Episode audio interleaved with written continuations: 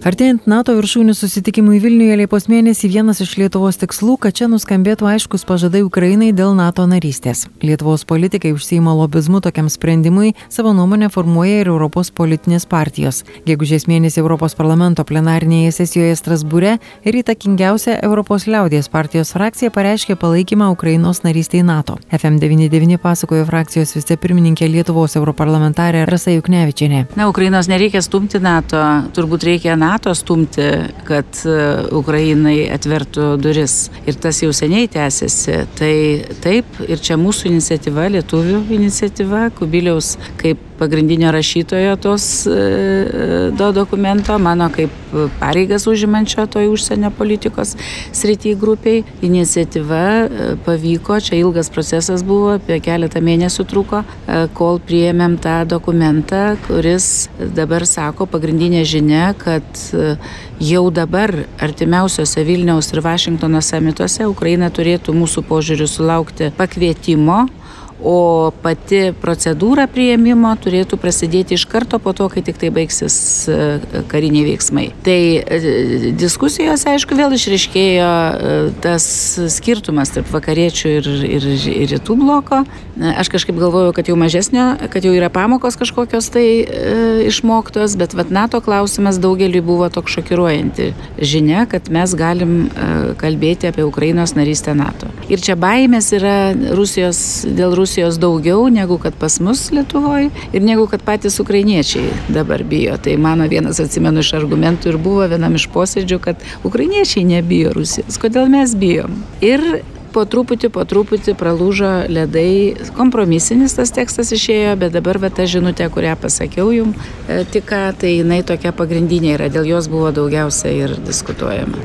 Bet tai čia iš esmės kažkoks pareiškimas, ar kas, kas tai per dokumentas? Tai yra politinės partijos pozicija, juk politinė partija, Europos liaudės partija, jinai vienyje visas centro dešinės Europos Sąjungos e, partijas, tačiau e, Europos Sąjungos šalis yra ir NATO narės. Jų beveik absoliuti dauguma yra NATO narės. Tai mūsų ta skėtinė Europos liaudės partija, ji turi savo atstovus ir vyriausybėse, ir kitur. Ir tai yra toksai nuomonės formavimui daugiau skirtas dokumentas. E, pati pirmoji mes iš visų politinių partijų Europoje pasakėm šitą, žengėm šitą drąsų žingsnį. Ir, ir tai, na, e, nereiškia, kad Ukraina jau poryt bus pakviesta dėja, bet tai reiškia, kad yra formuojama nuomonė nuomonė tam tikra, lašas po lašo, akmenį pratašo.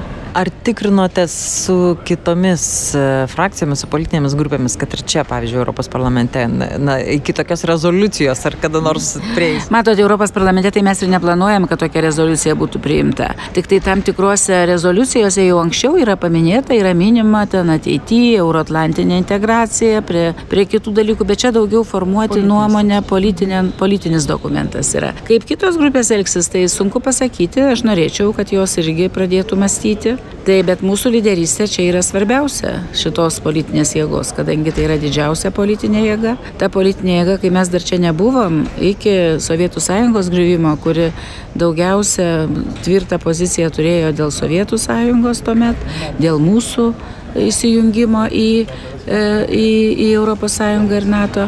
E, taip kad ir dabar e, mūsų idėja buvo, kad vėl IPP, Europos liaudės partija, turi imtis tokios pat iniciatyvos, nebijoti tokios lyderystės.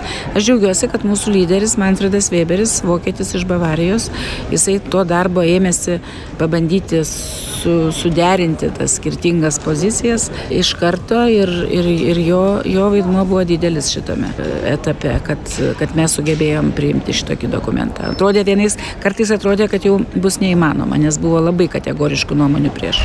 Vilniaus sametas jisai visai jau čia pat. Bendros tos nuotaikos ir, ir Lietuvos, ar matot indėlį darbą į, į būtent vat, šią kryptimį, kad Ukraina gautų kažkokį labai konkretų pasiūlymą galbūt? Nu tai šitas dokumentas irgi yra Lietuvos nuopelnas, nes būtent mes tą inicijavom, mes stumėmės, e, ginčijomės, mes išgyvenom dėl to, kai sekėsi ir kai nesisekė, e, bet va, turim dabar tam tikrą e, jau rezultatą. Lietuvos dirba labai daug parlamentarai Europos mūsų parlamentarai e, užsienio reikalų komitete, ypatingai va Žygimantas Paviljonis, komiteto pirmininkas, tai jisai turbūt neišlipa iš lėktuvo e, beveik e, apvažiuodamas visas NATO šalių sostinės čia Europos Sąjungoje ir bandydamas kalbėti su parlamentarais iš kitų šalių. Tai lygiai taip pat dirba ir Gabrielius Landsbergis, ir Arvidas Anušauskas, aš tikiu. Tai yra bandydami tikinti, bet dar kol kas iki tokio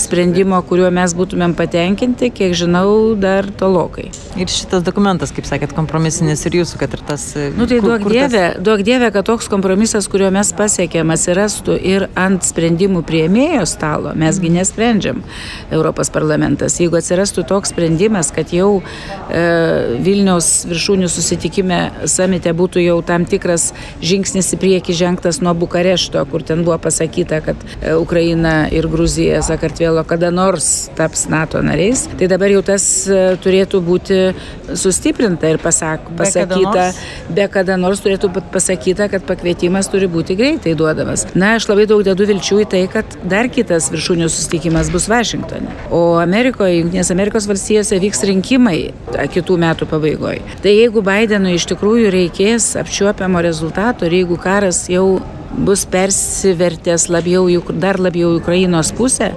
tai aš turiu daug vilčių, kad galbūt Vašingtone galima išgirsti ir pakvietimą. Kalbėjo europarlamentarė Rasa Juknevičinė, ją kalbino Vilija Kvedaraitė.